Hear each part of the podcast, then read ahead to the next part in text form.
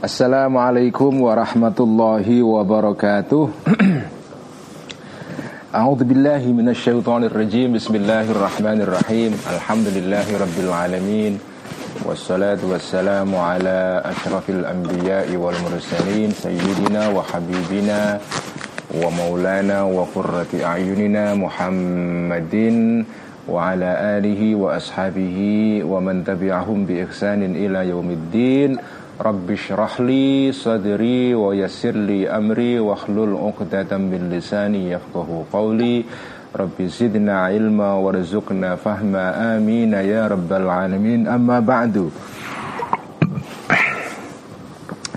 Teman-teman semua mari kita ngaji kitab Mishkatul Anwar.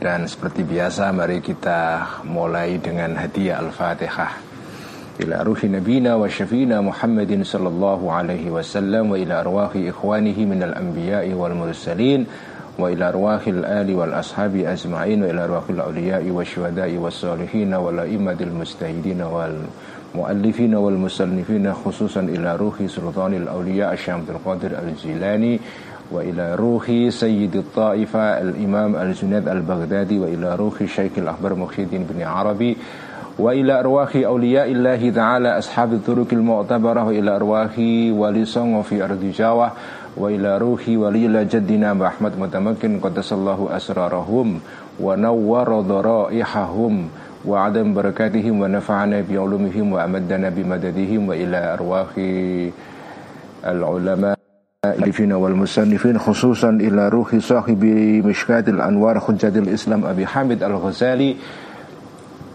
قدس الله سره ونور ضريحه ودرجاته ونفعنا بعلومه وإلى أرواح العلماء مؤسسي جمعية نهضة العلماء والجمعيات الإسلامية الأخرى ونخص خصوصا روح حضرة الشام هاشم أشعري كياي خليل بنكالان كياي وهاب حسب الله كياي بشي سانسوري كي واحد هاشم قسدور كياي معصوم كياي معصوم كياي عبد الله سلام كياي سعد محفوظ وإلى سائر علمائنا مؤسسي المعاهد الإسلامية في إندونيسيا غفر الله ذنوبهم وستر عيوبهم ويعلي درجاتهم ونفعنا بعلومهم وإلى أرواح أموات المسلمين والمسلمات والمؤمنين والمؤمنات خصوصا أرواح آبائنا وأمهاتنا وأجدادنا وجدادنا وخصوصا روح والدي.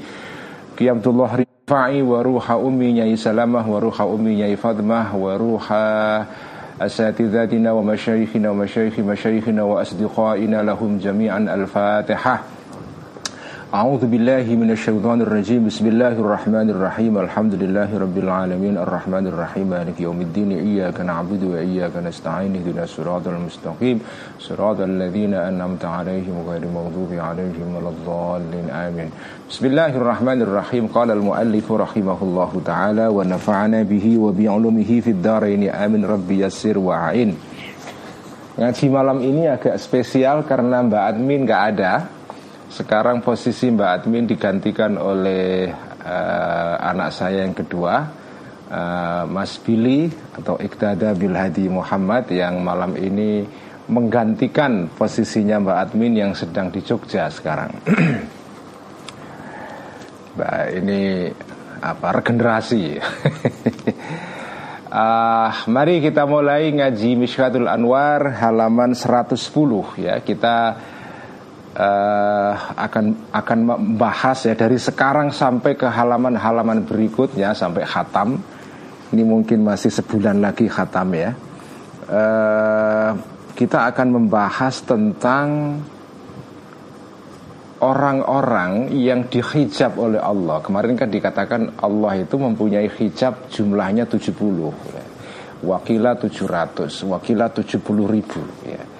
Nah angka 70, 770 ribu itu bukan angka yang menunjukkan uh, jumlah yang persis ya, yang definitif. Angka ini disebut untuk menunjukkan bahwa Allah itu memiliki hijab yang banyak. Ya. Hijab di sini artinya adalah penghalang. Nah penghalang di sini artinya ya sesuatu yang menghalangi ya seseorang untuk bisa memahami hakikat hakikat itu ya kesejatian ya yang sejati dari dari segala yang sejati ya Allah Subhanahu wa taala. Jadi jadi hijab di sini artinya orang atau penghalang yang menghalangi seseorang untuk memahami kesejatian ya.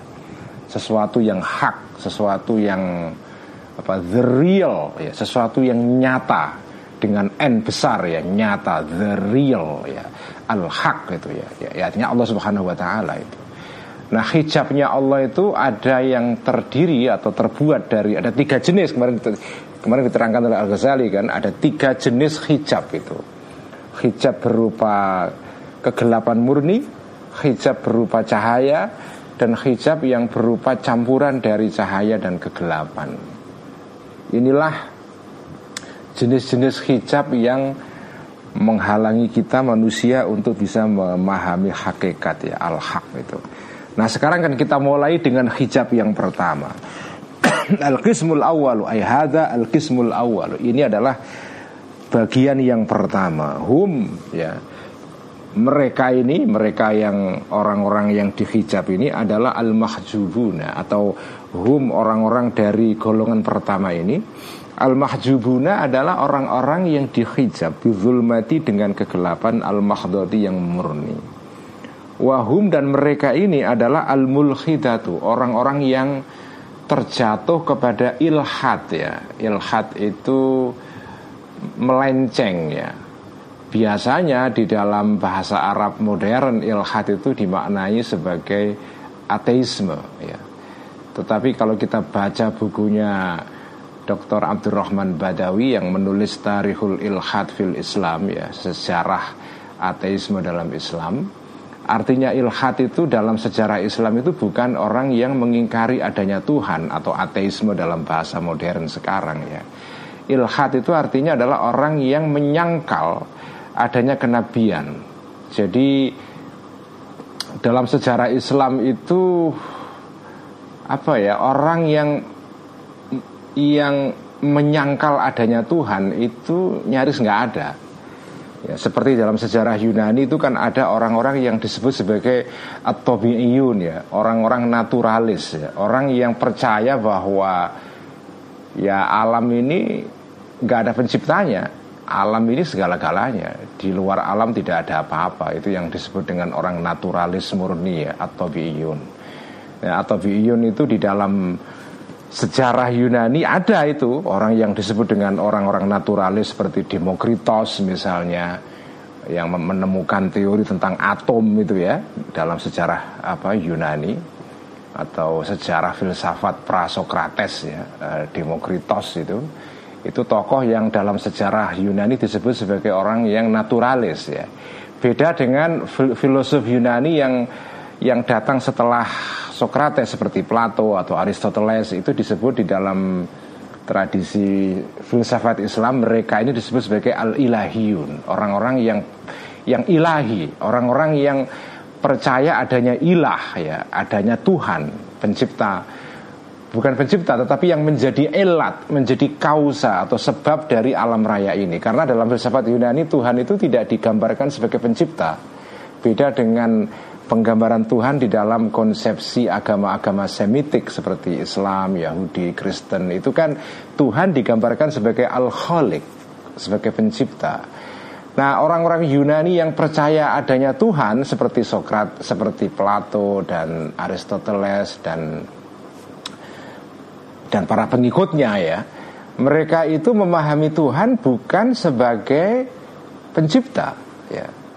Makanya konsepsi Tuhan sebagai al-khaliq itu sebetulnya temuan atau ya invensi atau temuan yang orisinal dari agama-agama Abrahamik. Ya, Yahudi, Kristen, Islam. Nah, filsafat Yunani itu tidak tidak mengenal itu. Mereka mengenal Tuhan, tapi Tuhan digambarkan sebagai prima causa, sebagai al-illatul ula, sebagai ilat atau sebab yang menyebabkan adanya alam raya ini, tetapi bukan menyebabkan dalam pengertian menciptakan. Ya.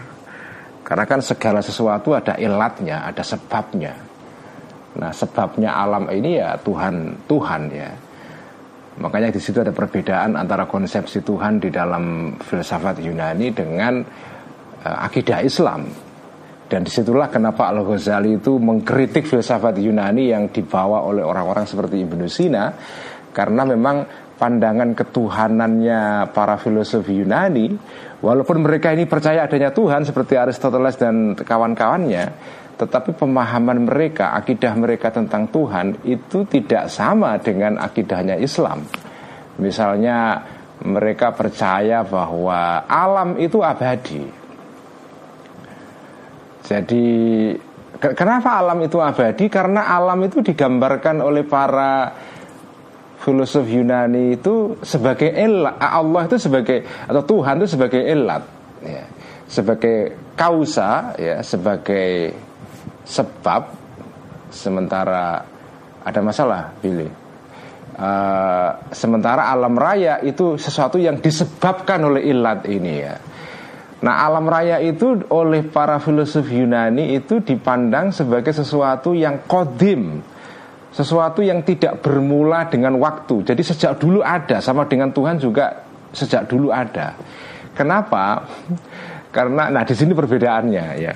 Ini sedikit agak menyelek, menye, apa, menyimpang dari pembahasan ini karena ya saya ingin menjelaskan uh, apa ya kenapa ada istilah ilhad di sini ya yang dipakai oleh Al Ghazali ini. Jadi Tuhan dalam penggambaran para filosof Yunani itu penggambarannya begini, seperti lampu dan bayang-bayangnya. lampu atau cahaya dan bayang-bayangnya. Setiap ada cahaya, ya biasanya diikuti dengan bayang-bayang kan. Jadi cahaya dan bayang-bayang itu kan saling saling mengikuti. Ada cahaya, ada bayang-bayang. Ya. Atau ada lampu, ada cahaya. Artinya ada lampu yang dihidupkan, maka langsung ada cahaya di situ. Nah kalau jenengan lihat oh, cahaya dengan bayang-bayang, itu mana yang dulu itu sebetulnya? Kan secara waktu sebetulnya nggak ada yang dulu, nggak ada yang belakangan. Karena begitu ada cahaya ya langsung ada ada ada bayang-bayang itu. Begitulah penggambaran para filosof Yunani mengenai Tuhan dan alam. Begitu ada Allah langsung ada alam. Sebagaimana begitu ada cahaya langsung ada bayang-bayang. Meskipun statusnya cahaya itu lebih utama daripada bayang-bayang. Kenapa? Karena asal usul dari bayang-bayang itu dari cahaya. Tapi dari segi kemunculannya sebetulnya tidak ada mana yang dulu mana yang belakangan karena begitu ada cahaya langsung ada bayang-bayang. Ya. Jadi nggak bisa kita mengatakan bayang cahaya dulu baru beberapa detik kemudian ada cahaya, ada bayang-bayang itu nggak bisa. Begitu ada cahaya langsung ada bayang-bayang. Nah orang Yunani itu para filosof Yunani seperti Aristoteles itu menggambarkan Tuhan dan alam raya itu seperti itu. Begitu ada Tuhan, langsung ada alam. Ya. Begitu ada uh, ada lampu hidup, ya ada cahaya. Ya. Begitu ada matahari terbit, ya langsung ada cahaya. Asal nggak ada mendung ya.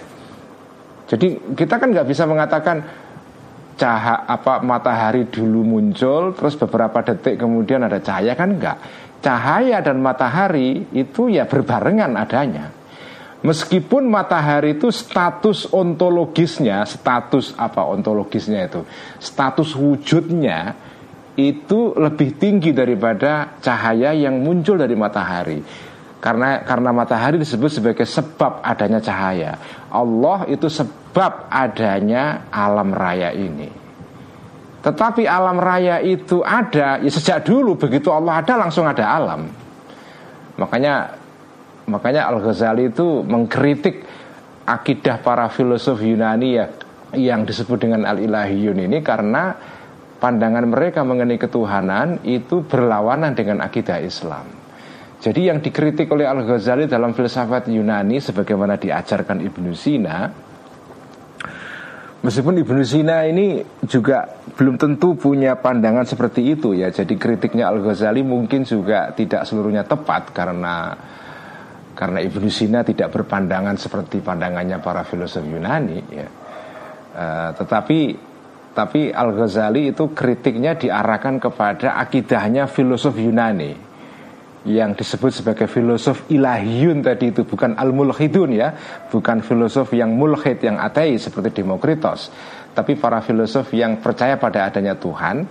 Cuma akidah mereka mengenai Tuhan itu beda dengan akidah Islam yaitu antara lain para filosof Yunani mengimani adanya dua hal yang kodim hal yang sejak dulu ada, tidak pernah permula, tidak punya, pernah punya permulaan dalam waktu itu ya.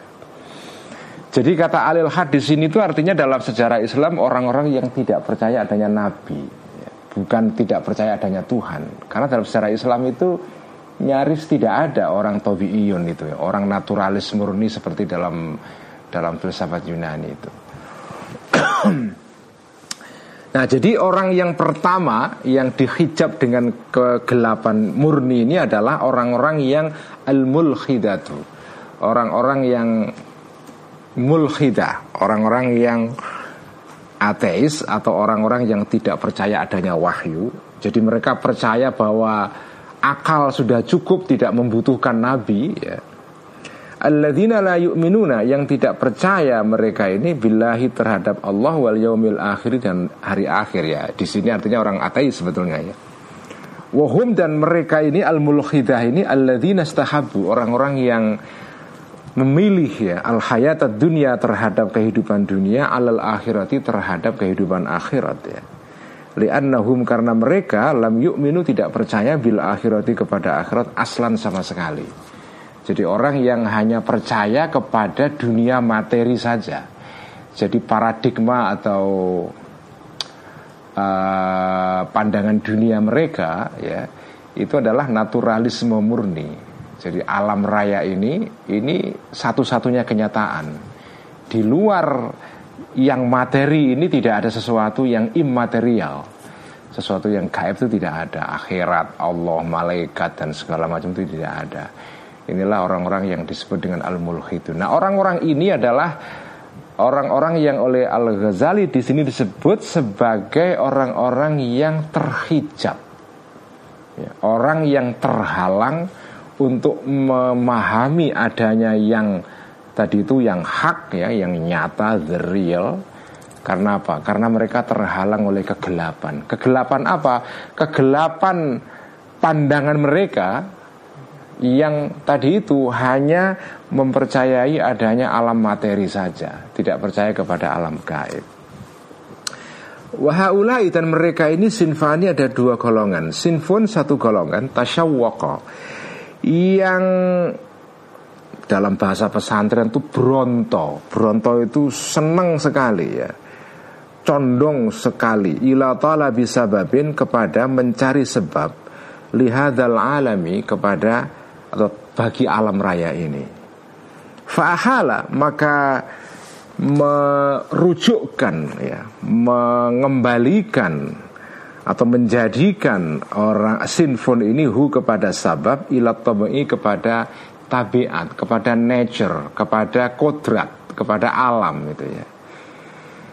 Jadi kelompok pertama dari al-mulhidah ini orang-orang ateis, jadi mereka dibagi dua. Yang pertama adalah golongan ya orang-orang yang menjelaskan semua realitas alam ini berdasarkan hukum alam murni. Ya ini persis dengan dengan paradigma para saintis sekarang ya.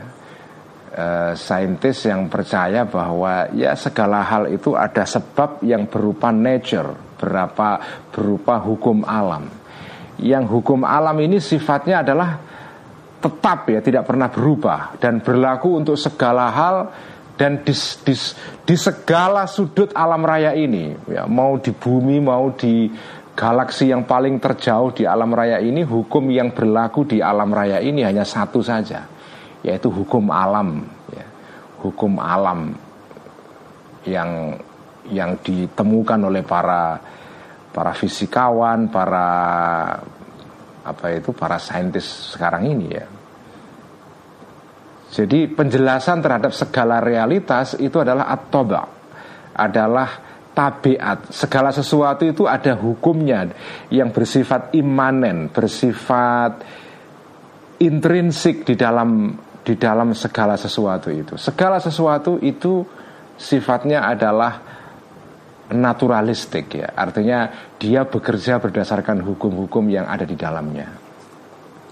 Ini kelompok yang pertama. Nah, apa yang disebut dengan at itu? Wat dan yang disebut dengan at atau nature, tabiat ya.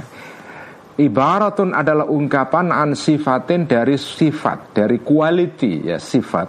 Markuzatin yang yang tertanam fil ajsami di dalam semua benda-benda material ya.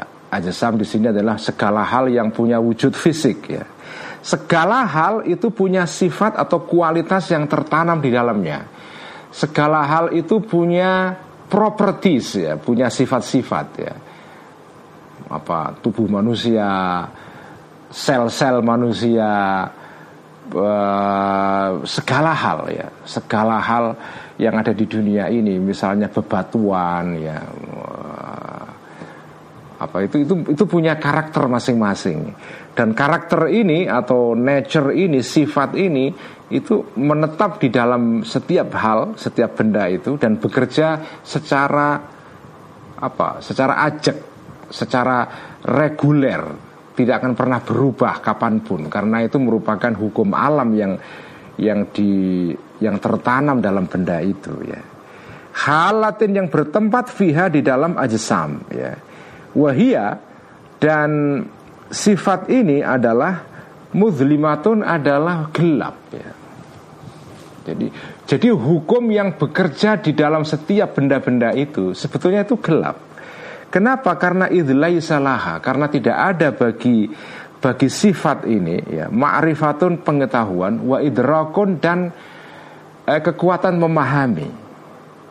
Jadi ini menarik sekali keterangan Al-Ghazali ini ya.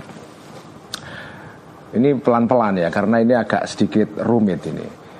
Jadi kelompok pertama yang disebut dengan kelompok yang terhijab tadi itu oleh kegelapan adalah kelompok yang mereka ini kecenderungannya adalah naturalistik menjelaskan segala sesuatu berdasarkan naturnya karena itu disebut dengan orang naturalis naturalis dari kata natur atau nature artinya tabiat. Sesuatu yang menetap di dalam segala hal ya. Misalnya apa saja. Jadi binatang manusia tumbuh-tumbuhan eh, binatang dan bebatuan mineral dan segala macam. Itu kan semua adalah benda-benda yang punya wujud fisik ya. Ada ada jasadnya ya, ada fisiknya. Dan di dalam fisik itu ada sifat-sifat, ada properties ya. Misalnya ya misalnya segala hal ya.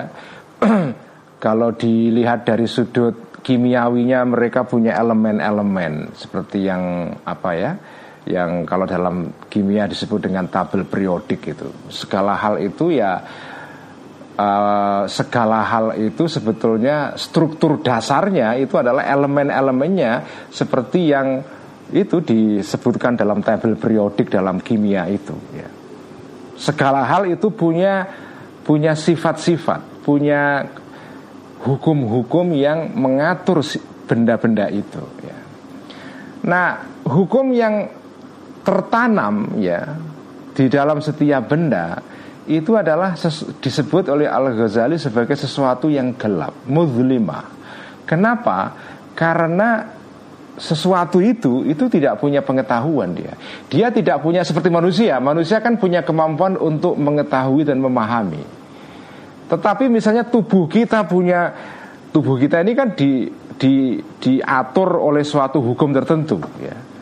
Misalnya apa tubuh kita ini kan ada ada seperti benda begitu ada ada apa batu bata yang menyusun tubuh kita ini ya. Jadi tubuh kita ini kan sebetulnya terdiri dari susunan sel-sel ya. Sel-sel ya. Nah, dan tubuh kita itu juga bekerja berdasarkan hukum tertentu. Tetapi hukum yang bekerja di dalam tubuh kita ini ya itu bukan sesuatu yang bercahaya, tetapi dia gelap. Kenapa? Karena dia tidak memahami sesuatu. Jadi dia tidak tidak punya kekuatan untuk memahami dan mengerti. Beda dengan manusia. Kalau manusia itu punya kekuatan namanya al-idrak, punya kekuatan memahami. Dan kekuatan memahami itu cahaya. Karena kalau jenengan paham itu seperti sesuatu yang semula gelap menjadi bercahaya. Tetapi kalau hukum-hukum yang terletak di dalam setiap benda-benda itu, misalnya hukum gravitasi misalnya, ya, hukum gravitasi, ya, itu itu hukum yang ya bekerja secara mekanistik. Dia tidak punya roh di dalamnya, tidak seperti manusia punya roh dan dengan roh itu manusia paham sesuatu, mengetahui sesuatu. Nah, hukum-hukum yang terletak dalam benda-benda itu itu tidak punya kekuatan untuk mengetahui karena mereka bukan manusia. Mereka ya apa semacam aturan yang bersifat mekanistik saja. Sebagaimana misalnya mesin mobil kita itu kan bekerja mengikuti hukum tertentu. Tetapi kan mesin tidak memahami sesuatu. Mesin kan tidak punya kekuatan memahami sesuatu. Tidak seperti manusia karena manusia punya roh dia bisa paham, bisa mengetahui. Tapi mesin kan tidak bisa mengetahui. Ya, mesin bekerja, ya, asal dihidupkan dia bekerja. Cuma mesin itu sendiri di dalamnya tidak ada kekuatan untuk al-idrak, memahami sesuatu. Karena dia tidak punya kekuatan idrak, maka dia itu gelap itu. Nah, orang yang percaya hanya kepada hukum sebab akibat di dalam alam raya ini, orang ini adalah orang yang terjatuh di dalam kegelapan. Makanya mereka ini disebut sebagai orang yang terhijab dari Allah itu.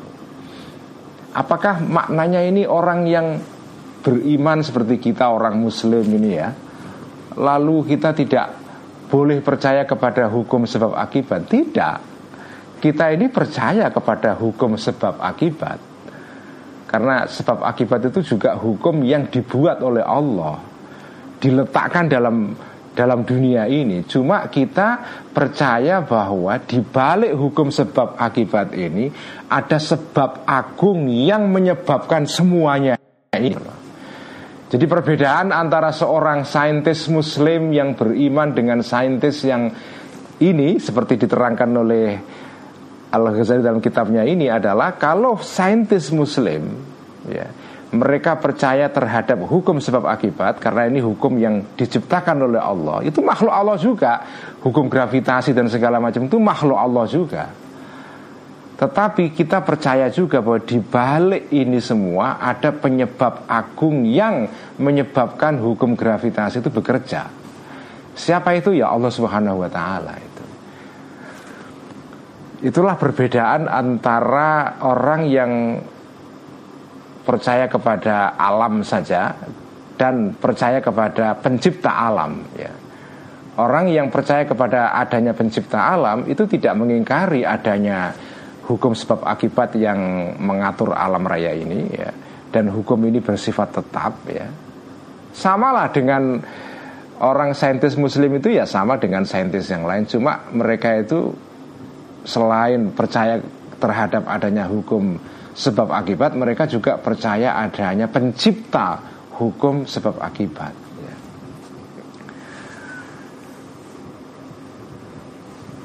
Idlaisa uh, wala khabar dan tidak ada khabar laha bagi sifat tadi itu min nafsi uh, min nafsi dari dirinya sifat itu. Wala mimma dan tidak dari sesuatu yasduru yang keluar ma ini minha dari sifat ini ya. Walaisa dan tidak ada laha bagi sifat tadi Sifat yang merupakan hukum alam tadi itu Nurun cahaya yudraku yang bisa diketahui nur ini Bil basori dengan uh, apa mata lahir ya az yang kelihatan mata lahir mata manusia ini Aidon juga itu ya Jadi inilah inilah golongan pertama Orang naturalis murni Inilah orang yang disebut sebagai al-mahjubun, orang-orang yang dihijab. Orang-orang yang terhalang dari uh, realitas yang hakiki yaitu Allah Subhanahu wa taala. Wasin futani dan golongan yang kedua wahum adalah mereka ini alladzina orang-orang syuhilu yang sibuk orang-orang ini bi anfusim dengan diri mereka. Jadi kalau yang pertama tadi orang-orang yang terhalang secara apa ya, secara epistemik ya, pandangan keilmuannya, pandangan epistemologinya itu adalah Ya itu tadi orang yang hanya percaya kepada alam materi, tidak percaya kepada sesuatu yang gaib ya. Allah yang menciptakan alam materi ini.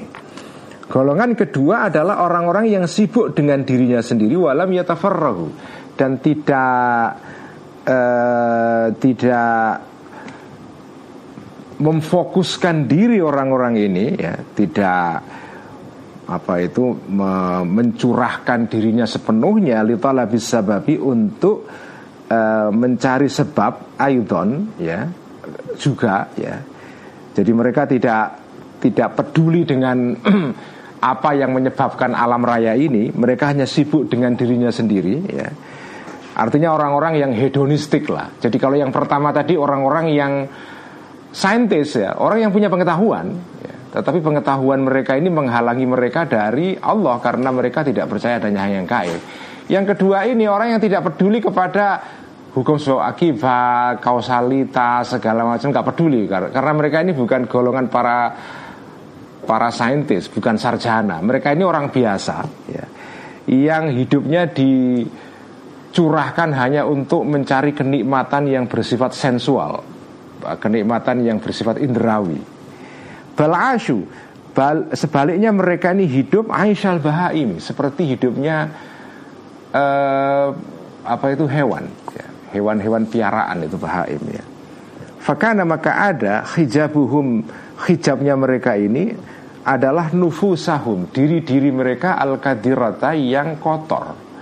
Karena mereka itu sibuk dengan kenikmatan duniawi Itu membuat jiwa mereka jadi kotor gelap karena jiwa mereka gelap ya tidak bisa memahami hakikat kesejatian itu ya.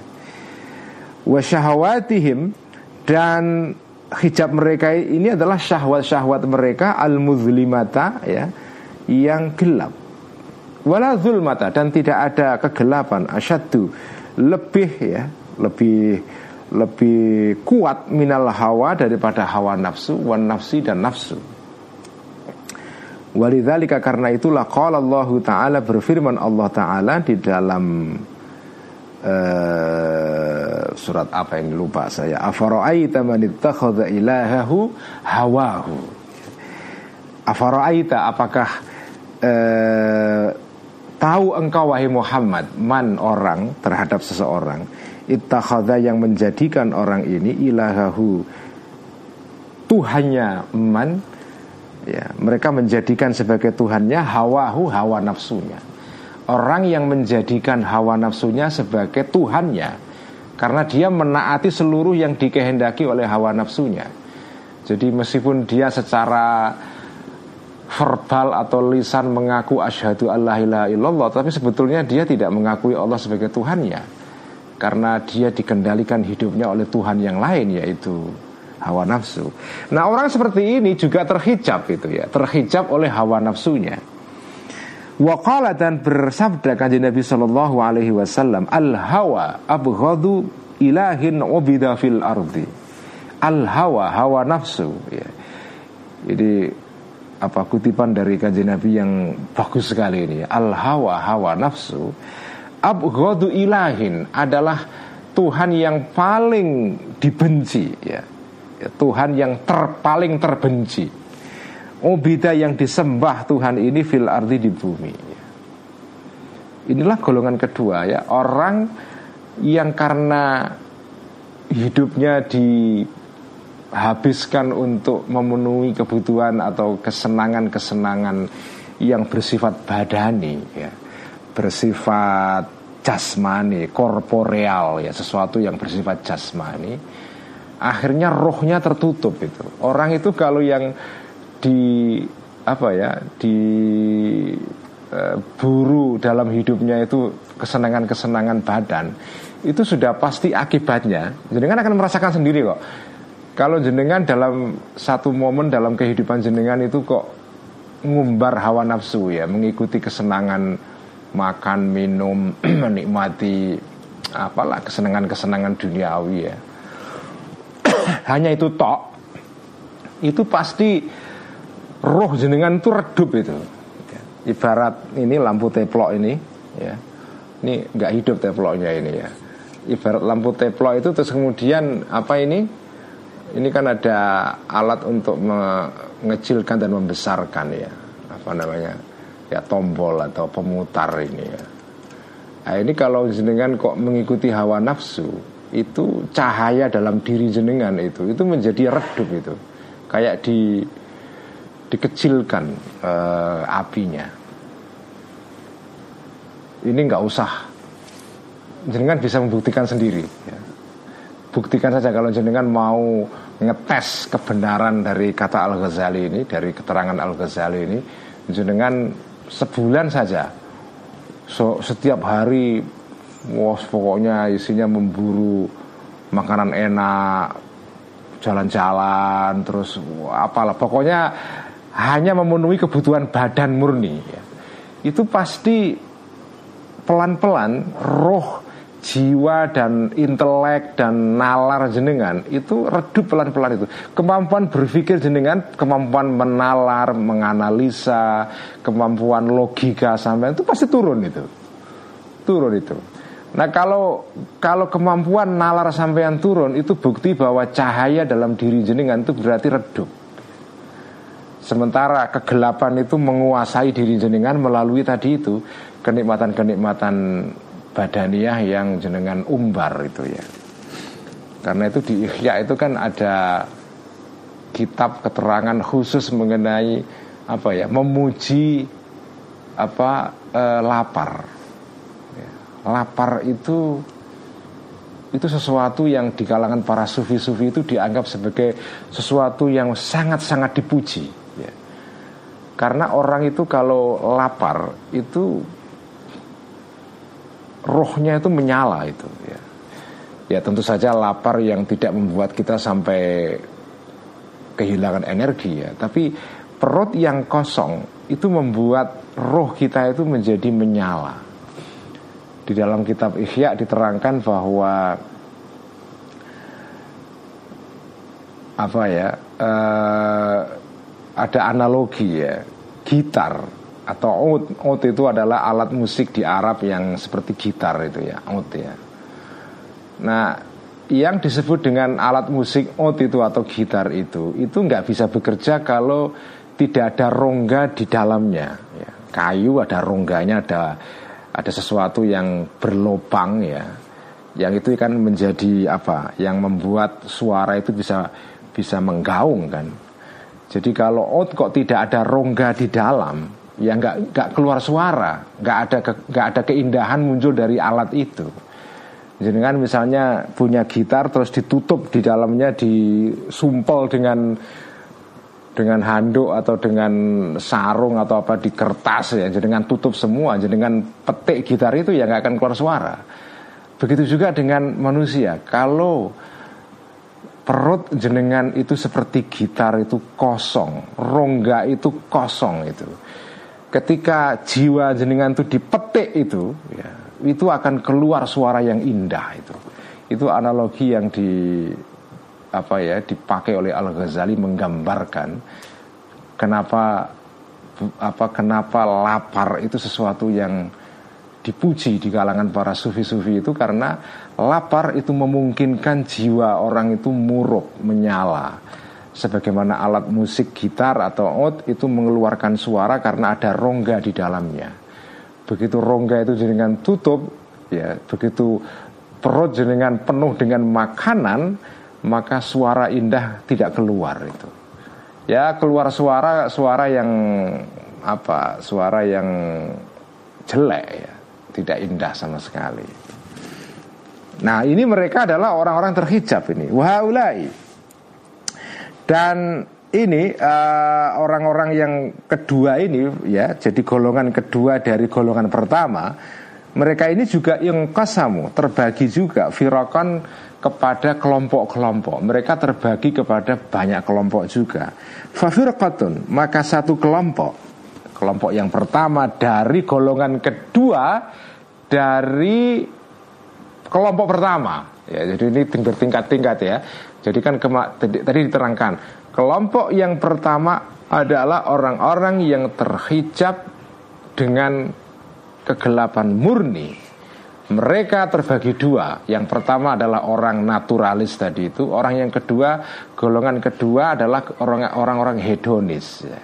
Nah orang yang hedonis ini, orang yang hedonisme itu artinya orang yang apa ya, ya, ya, yang menikmati hidup dan kesenangan-kesenangannya yang bersifat jasmani ya mereka ini juga terbagi kepada banyak kelompok pertama adalah kelompok yang zaamat yang mengira yang punya asumsi ya firqah ini ada anna ghayat sesungguhnya puncak dari segala yang yang dituju yang dicari fit dunia di dunia ini hia ya ghayah tadi adalah qadaul autori memenuhi kebutuhan-kebutuhan jas uh, badan.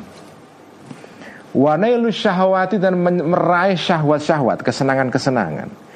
Wa idrakul dan mencapai kelezatan-kelezatan ya, Al-bahimiyati yang bersifat kehewanan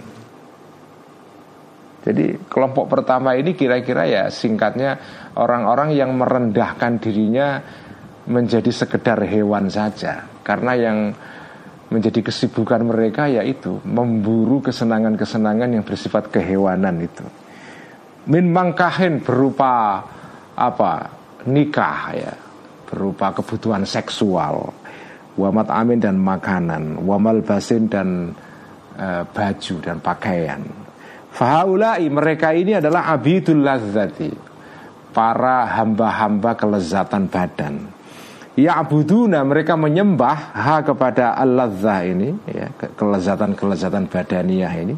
Wa yatlubunaha dan mencari mereka-mereka ini ha kepada al-ladzah wa ya'taqiduna dan dan mempercayai orang-orang ini orang-orang dari kelompok pertama ini annanailaha sesungguhnya mencapai kelezatan-kelezatan badaniah itu adalah ghayatus sa'adati puncak dari segala kebahagiaan jadi kebahagiaan itu adanya menurut kelompok ini adalah tadi itu kesenangan-kesenangan yang bersifat jasmani.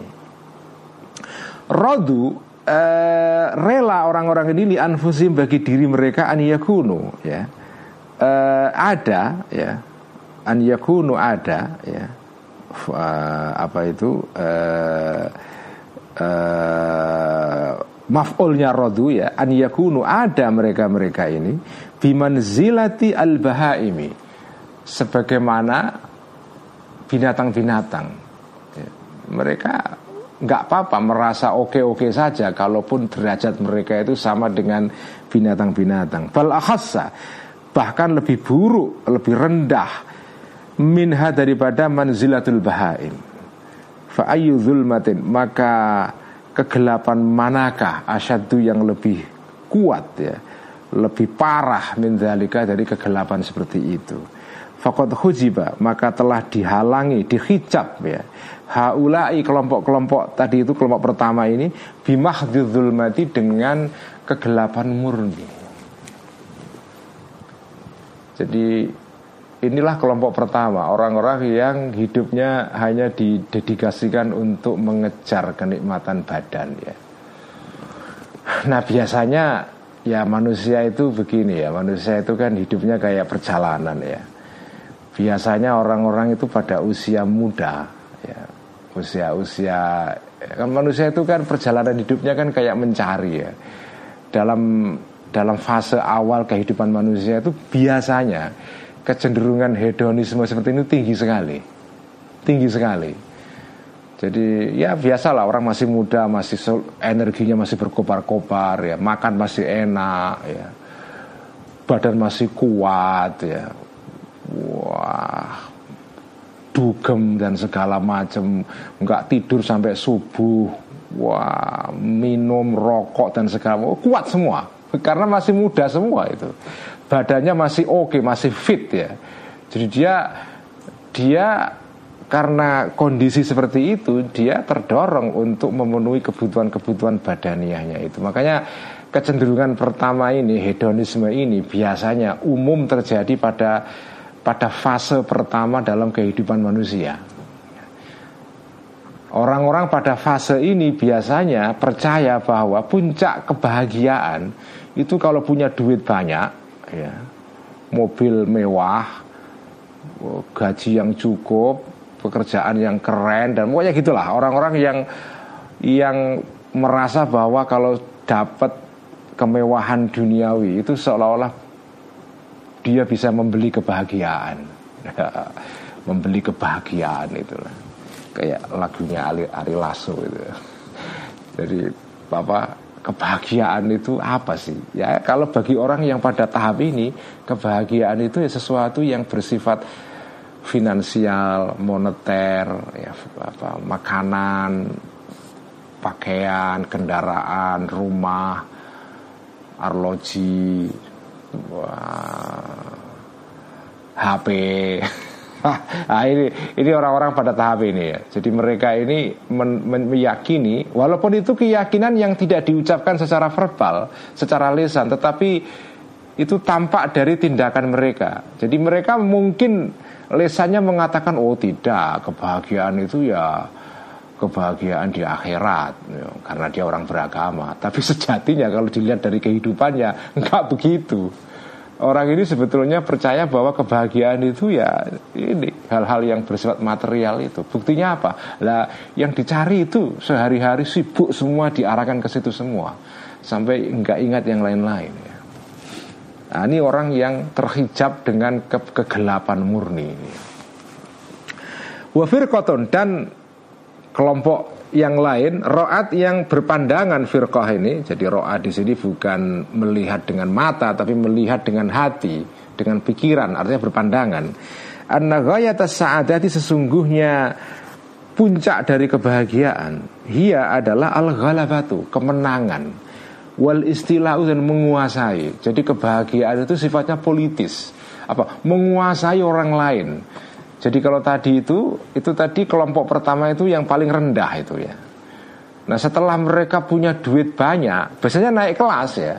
Setelah mereka punya duit banyak, ya punya uang cukup ya, mereka merasa ternyata makan enak tok ya pelesir itu nggak cukup itu tidak memuaskan mereka akhirnya mereka mencari sesuatu yang di atasnya apa itu menguasai wah mulai dia masuk partai bikin partai Wah, bikin televisi, koran. Karena kan kalau punya televisi itu kan dia punya panggung untuk mempengaruhi opini banyak orang. Dia menguasai orang itu.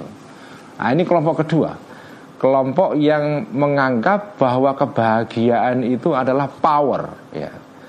Power over. Jadi menguasai terhadap orang lain. Ini ini adalah fase kedua ini ya wal qatlu dan membunuh orang lain. Tidak harus membunuh secara harafiah membunuh secara majazi ya. Misalnya kalau jangan punya musuh politik dan sampean punya media massa punya televisi punya koran jangan bisa membunuh lawan sampean dengan cara apa? Black campaign. Ya, wah diserang habis-habisan ya. Wal fatku dan menyerang ya.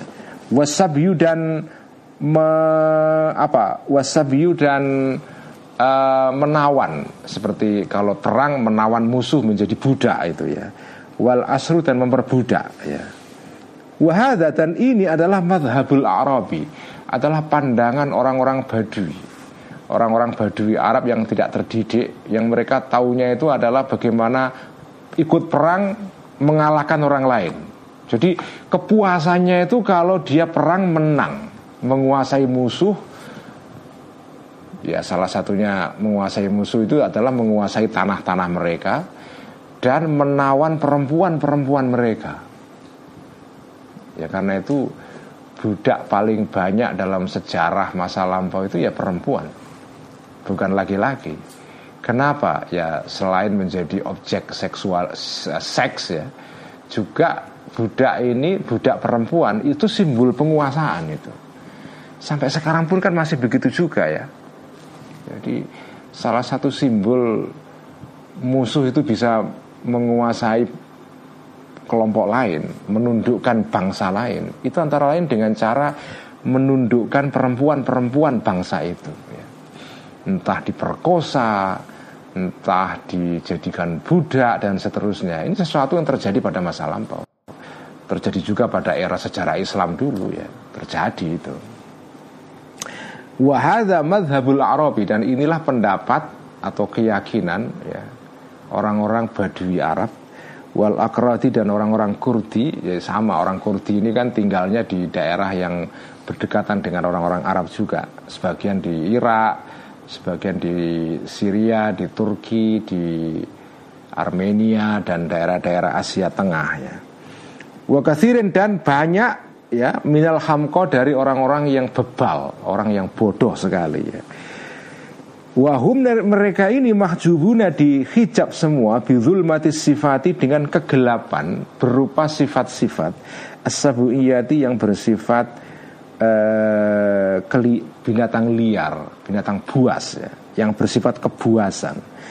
Lighalabatiha karena menguasainya sifat-sifat ini alaihim terhadap orang-orang ini wa kauni idraki maksudiha dan karena adanya uh, apa itu?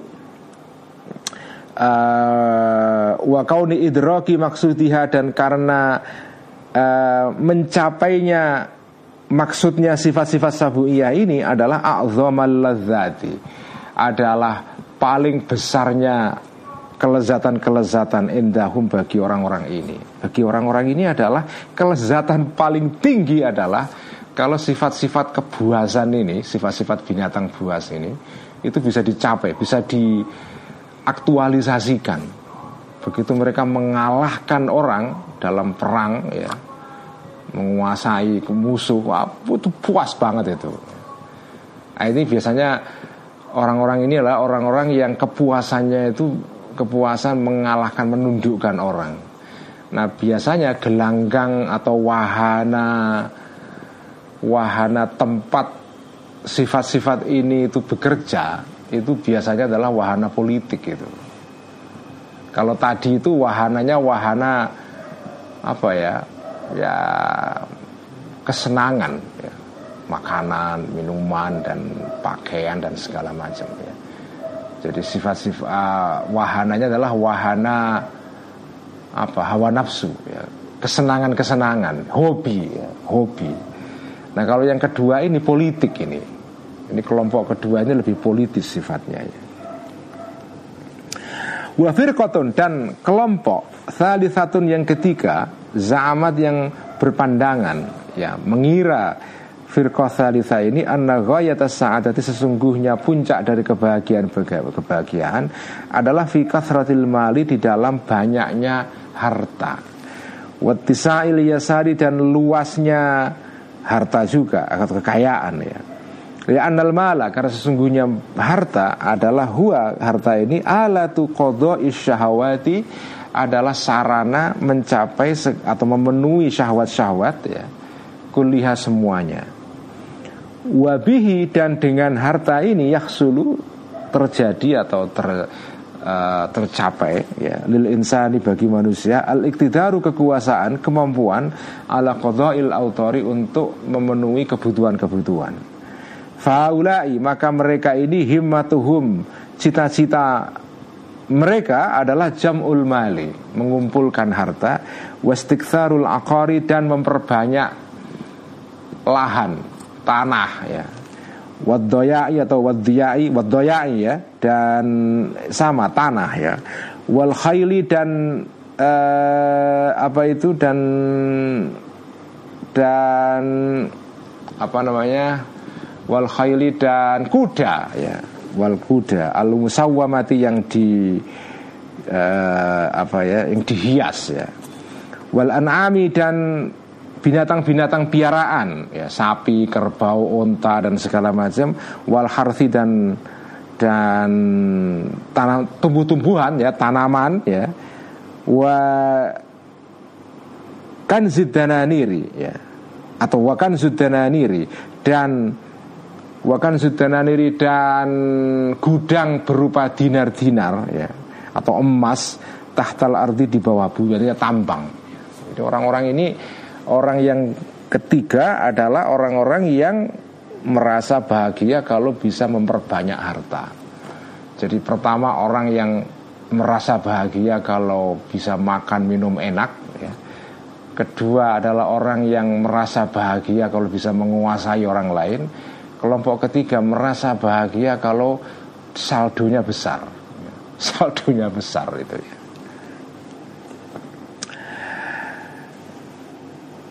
Fataro maka lihat maka melihat engkau. Kamu kalau amati manusia ini ya Fataro maka akan melihat engkau al wahida seseorang ya. Seseorang yang satu artinya di antara mereka-mereka ini al wahida di satu di antara mereka-mereka ini ya sudah itu. Berusaha keras al wahid ini tulal umri sepanjang umurnya. Yarkabu ya dalam keadaan hal ini ya naik ya atau ya menaiki al wahid tadi al akhtoro bahaya-bahaya. Mereka siap untuk mengarungi segala mara bahaya. Fil bawadi di dalam apa itu di dalam uh, keluasan daratan ya. Artinya di apa di badia jamaknya badiatun bawadi ya ya daratan ya apa uh, wal asfari dan di dalam bepergian ya. Wal bihari dan di laut-laut ya. Mereka siap mengarungi mara bahaya di segala tempat ya.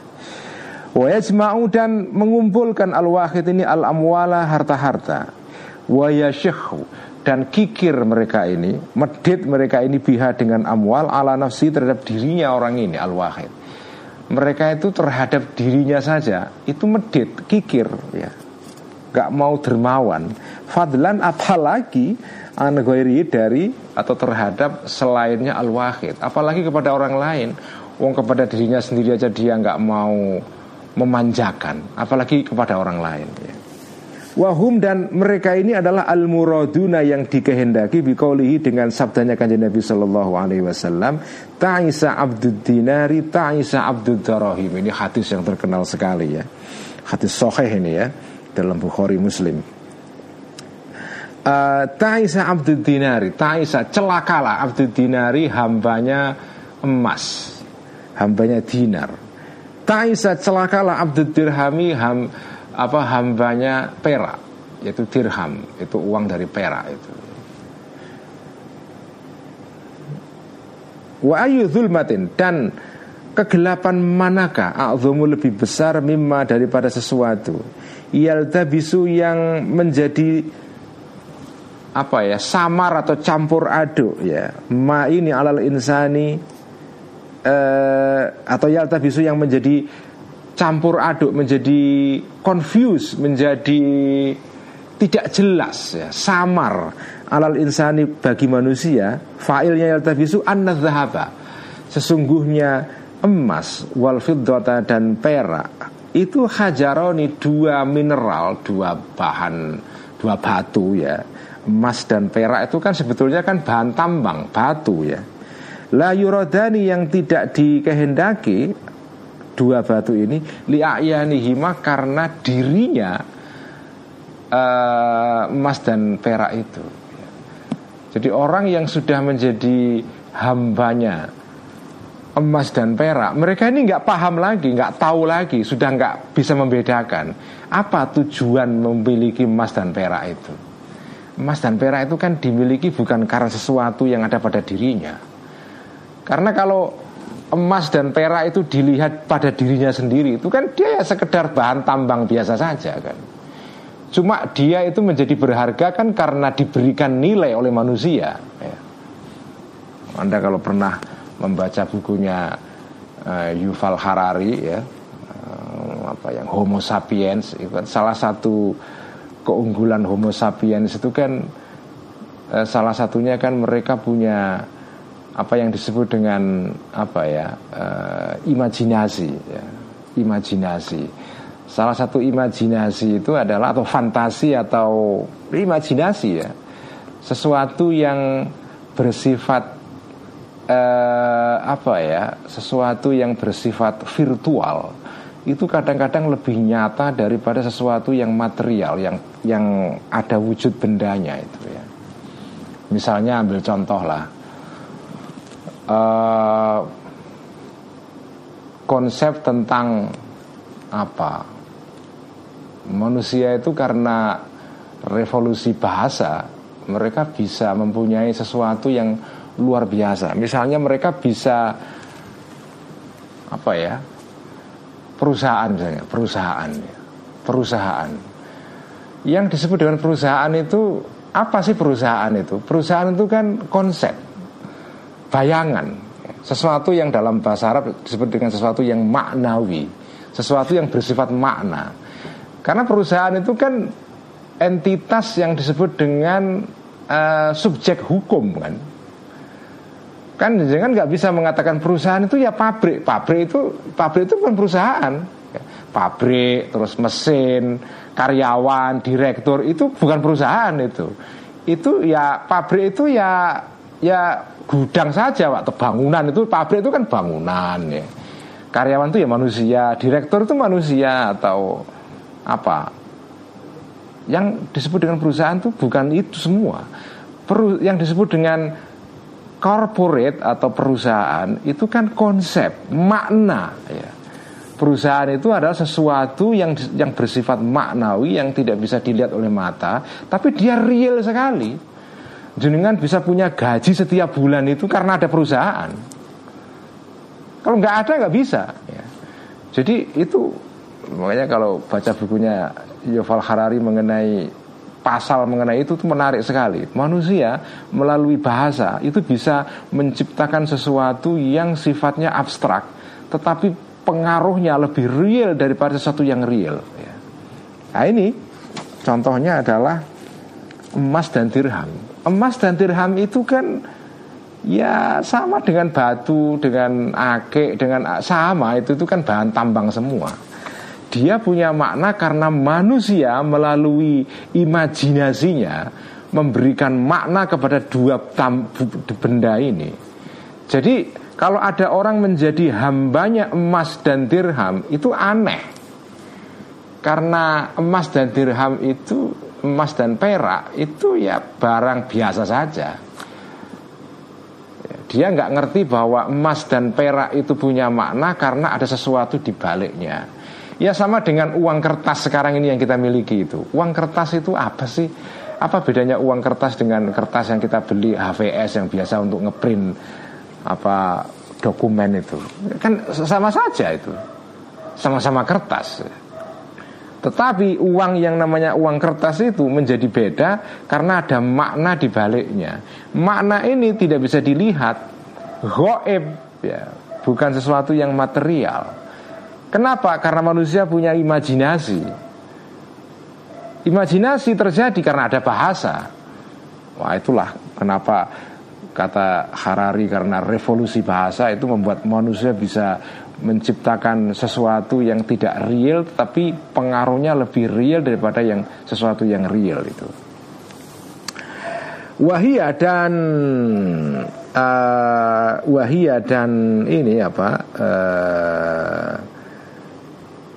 wahia dan dinar atau darohim ya, ya atau ya dinar atau darohim ya atau zahab dan fiddah wahia dan apa fiddah atau zahab idalam tukdo ketika tidak dipenuhi biha dengan fiddah atau zahab al autoru kebutuhan. Kalau emas dan perak itu tidak jenengan pakai untuk belanja jenengan taruh di rumah saja dengan taruh di celengan begitu walam tunfak dan tidak digunakan ya emas dan perak tadi itu. Fahia maka emas dan perak ini wal haso dan kerikil biasa itu bima sabatin satu tingkatan. Sama saja sama-sama sama-sama statusnya itu adalah mineral. Sesuatu yang bersifat tambang. Menjadi beda kalau jenengan belanjakan. Karena begitu jenengan belanjakan, jenengan bertindak berdasarkan konvensi. Ketika jenengan belanja itu kan jenengan terlibat dalam suatu aktivitas yang melibatkan konvensi atau aturan main dalam masyarakat. Salah satu aturan mainnya dalam masyarakat adalah kalau orang belanja harus pakai uang sebagai alat tukar. Itu semua kan kesepakatan itu, kesepakatan yang dibikin oleh masyarakat ya. Kebetulan yang dijadikan sebagai alat tukar itu adalah emas dan perak. Tetapi kedudukan emas dan perak pada dirinya sendiri itu sebetulnya dengan batu itu nggak ada bedanya, sama-sama barang tambang biasa. Cuma karena dia menjadi bagian dari aturan main dalam pertukaran apa barang-barang dalam masyarakat melalui konvensi perdagangan itu maka dia kemudian dari batu biasa kemudian mempunyai nilai yang besar sekali. Nah nilai itu terjadi ya karena manusia memberikan nilai. Kalau enggak ya enggak terjadi itu. Artinya apa? Orang yang menjadi budak dari emas dan perak itu lucu karena emas dan perak itu punya nilai ya karena kamu yang memberikan nilai itu sendiri. Lah kok kamu sembah itu gimana? Itu kan kayak kayak orang menyembah batu ya. Sesuatu yang dipahat oleh manusia ya, kemudian disembah. Ya meskipun orang yang menyembah batu agama yang punya tradisi menyembah bebatuan itu tidak sesederhana itu ya konsepnya, tetapi Intinya adalah jenengan itu ketika menjadi budaknya emas dan perak itu lucu. Karena emas dan perak itu punya nilai ya karena jenengan kasih nilai. Lah kok jenengan sembah itu. Mending jenengan nyembah diri sendiri itu lebih lebih bisa masuk akal karena sampaianlah yang memberi nilai kepada emas dan perak itu. Lah kok jenengan memberi nilai kepada emas dan perak dari semula sesuatu yang tidak punya nilai terus jenengan kasih nilai sehingga berharga atau jenengan sembah? Itu kan lucu sekali itu ya. Itu lucu sekali ya. makanya kajian Nabi bersabda kajian Nabi bersabda dalam hadis tadi itu Ta'isa abdud dirhami. Ta'isa abdud dinar ya orang yang menjadi hambanya dinar dan dirham itu orang yang celaka nggak masuk akal ya ridiculous ya aneh ya kok bisa menyembah kok menyembah sesuatu yang kita ciptakan sendiri itu ya. Sekian ngaji Mishkatul Anwar kita teruskan uh, minggu depan ya. Mari kita tutup seperti biasa dengan bacaan salawat bil qulub. اللهم صل على سيدنا محمد طب القلوب ودوائها وعافية الأبدان وشفائها ونور الأبصار وضيائها وعلى آله وصحبه وسلم. اللهم صلِّ على سيدنا محمد طب القلوب ودوائها وعافية الأبدان وشفائها ونور الأبصار وضيائها وعلى آله وصحبه وسلم. اللهم صل على سيدنا محمد طب القلوب ودوائها. وعافية الأبدان وشفائها ونور الأبصار وضيائها وعلى آله وصحبه وسلم. Sekian wassalamualaikum warahmatullahi wabarakatuh Terima kasih teman-teman yang ikut mendengar ngaji Mishkat melalui space di Twitter. Sampai ketemu minggu depan.